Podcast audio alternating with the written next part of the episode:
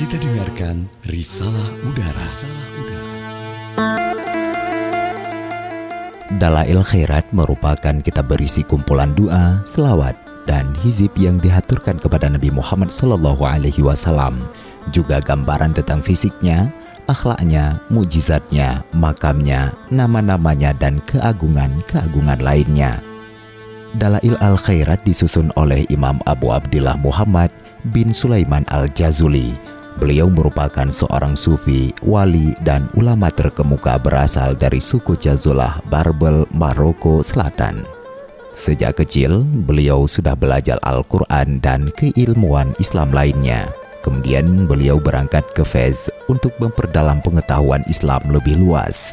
Beliau menguasai empat jilid kitab Mudawana karya Imam Malik. Di kota ini pula beliau menyusun Dalail Al-Khairat. Bagian awal dari Dalail Al-Khairat berisi penjelasan tentang kekuatan berselawat kepada Nabi Muhammad Shallallahu Alaihi Wasallam. Penyusun mengemukakan sejumlah dalil Al-Quran dan hadis. Selanjutnya dikemukakan hizib-hizib yang penting dibaca dan diamalkan sejak hari Senin hingga Ahad. Dalail Al-Khairat merupakan bacaan spiritual yang penting di kalangan umat Islam di Nusantara. Kitab ini bisa dibaca bersama-sama dan dipimpin oleh seorang imam dan bisa juga dibaca secara sendirian sebagai amalan dan ibadah sehari-hari, misalnya sehabis salat maghrib. Popularitas Dalail Al-Khairat juga bisa dilihat dari adanya perlombaan pembacaannya di sejumlah daerah – ia menjadi bagian dari ibadah karena berselawat merupakan upaya bertakarub kepada Allah. Di beberapa daerah tertentu terdapat jamaah pembaca dalail khairat.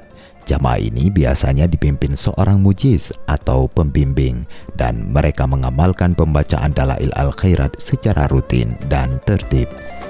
Selain itu, jamaah ini juga mengamalkan puasa Dalail Al-Khairat selama 1, 2, 3, 6, atau 9 tahun yang dilakukan terus-menerus.